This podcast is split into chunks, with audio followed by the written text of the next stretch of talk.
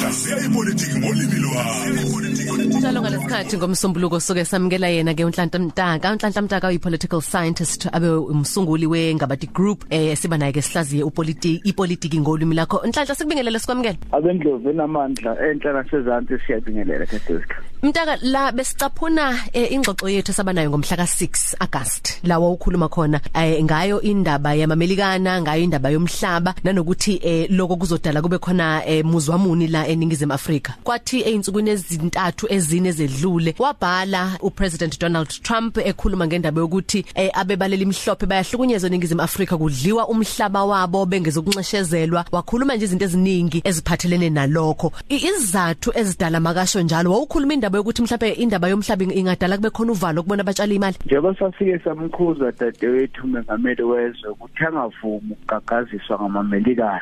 Hayi kosopolitiki abacabangi njengathi thina abantu nje phapha. Udaba lwe-IMF i-IMF yayihlelembela lenkulumo kaTrump noma lombono kaTrump ukuthi izwe lethu lemantwengutwengu ngenxa yodaba lomhlaba. Iqiniso siyazi ukuthi akona lokho kubhalwe umnumzana uTrump kodwa kufuneke uqonde ipolitiki ngokujulile ukwazi ukuthi uzama ukwenzani. Uvume futhi ukuthi ukungahleleki kosopolitiki bethu kwenza njengempethu. uTrump angene kithi. Okokuqala uTrump usemkhankasweni wokuhlakaza amazwe enza iBRICS usehleleni lokulimaza iminotho yawo ukuze wonke abuyele ku-IMF ngoba senebhangi lawo eliyimele elikwazi ukusebenza ngaphandle kwe-IMF esemelika eholwa ngamamelika. Oqala uqale wanswinya eRussia iRussia yangamlalela yaqhubeka sibonile sonke eh, ibhola likanobhutshuzwa iWorld Cup beyinhle eRussia wathi ukuzinza umnotho wakhona.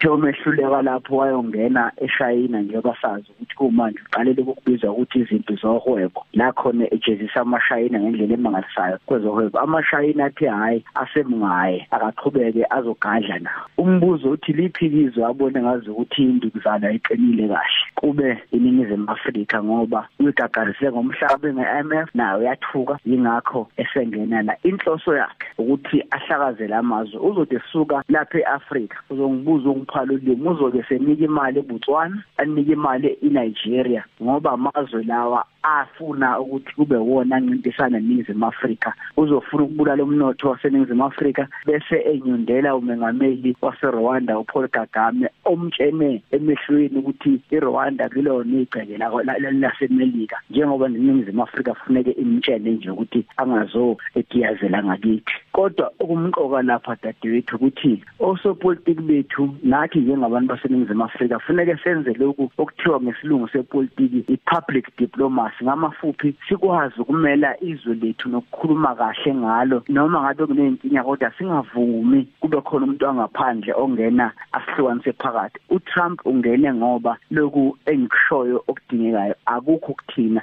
ithina esisuke saya kumamelikana eh ngamunye ngamunye ofreedom oh freedom front laba bayothi bayafa lapha eNingizimu Afrika. Izitha ke ingena kanjalo kumazwe. Uma engekho lento ade ngiyikhuluma kuthiwa public diplomacy laba izakhamuzi zalelozo ziba ngamanxusa ezwe elawo. Ingakho ke uTrump ongena ngamafuphi ngithi uTrump wenza into ezimbili oqala ulimaza umnotho wethu ngamasibomu ngoba ufuna ukulimaza iBRICS.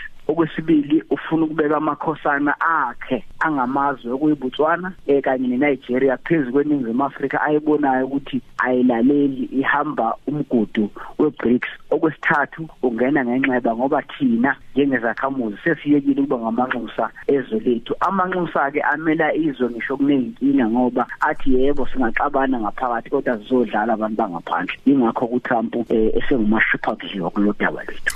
Kafushane nje mtaka uthinta into e- evamise ukuthi iqapheleke kwamanye amazwe aseAfrika njengoba usho ukuthi umongameli uPaul Kagame yena ushilo ukuthi hayi America ayingazodlalela e- e- egcekeni lakhe. Yindaba thina eningizimu Afrika ngoba bese simbone no, no, no President Robert Mugabe former President Robert Mugabe naye beya ukuthi makuthi bephawula bethini athi cha yenzane okunifanele ngakini mina ngizokwenza okusifanele la ngakithi. Yini edala thina njengeningizimu Afrika singabonakali siba nezwi eliqinile ngempela mase sithi nangu kumngcele manje mhlambe ingenxa yezivumelwano ezikhona noma? Saba neshwa noma nenhlanhla. Mangase kuphanyisa izandla kuthiwa nje laba kuthiwa bamhlophe kuthiwa belungu abaphamisa izandla alikho izwe abaningi kulona njengeningizimu afrika. Mangase kuthiwa laba kuthiwa amandiya baphamisa izandla alikho izwe abaningi kulona njengeningizimu afrika. Ngamafuphi ukwanda kwalezi ezinye izizwe ezweni lethu kwenza amazwe alabevela khona komalume bakwazi ukuthi okunye basibambe ngamakhwahla ukuthi singabathinta abantu abavela kubo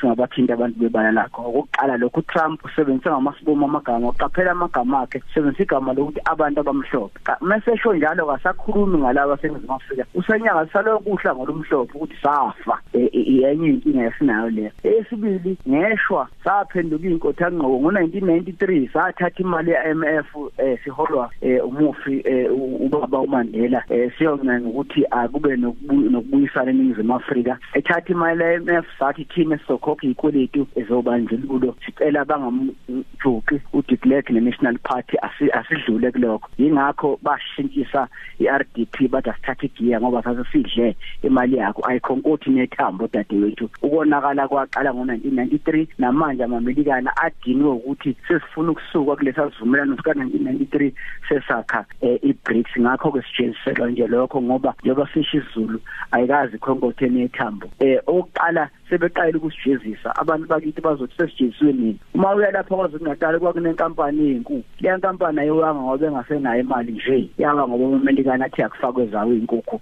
zasevithi inkukhu yaphela imisebenzi. Yilo ngithi sijeziselwa ukuthi sesifuna ukuphuma inxiwa siyafuna ukuphuma kumamelikana siyafuna ukuphuma ku-IMF kodwa konke lokhu kuyothatha abaholi. Nobuholo obunomgogodla ngoba mase ngase nje siqinise emhlathi izinyangana hayi siyoba siyophakama. Kodwa ke ngiyasola ukuthi hayi engazi ukuthi eh sizothuka bese singena kunoqhaka ngoba njengoba ngisho kungekudala uzozwa nje. Bazohamba bathi iBotswana yenza kahle kunawo wonke amazwe ase Southern Africa bayijiqa bezimanje obehlale benza eh bahambe baye Nigeria bathi Nigeria iyona enkulu ngoba mase benika neEgypt elinyiza balinike imali engelibalanga iGibhithe ngoba ilamazwe okufunela iningizimu Afrika ayehlisele ezingeni lesithathu noma lesihlanu lokukhulu bomnotho singabi phezulu eh njengoba siphezulu nje. Okunye okuzokwenzeka futhi ubike lokhu. Silindele ukuthi kungenzeka kube nokuhlasela okukhona okuzosenza sifane namanye amazwe. Isibonele amanye lamabhomu asuke eqhuma yebo kusuke kuthiwa ihonga lezi abayisho ukuthi zingobani. Amanye ayenziwe ukuze izwe libonakala ukuthi noma yini nakhona liyenzeka njengamanye amazwe. Yiyo ngithi ke uTrump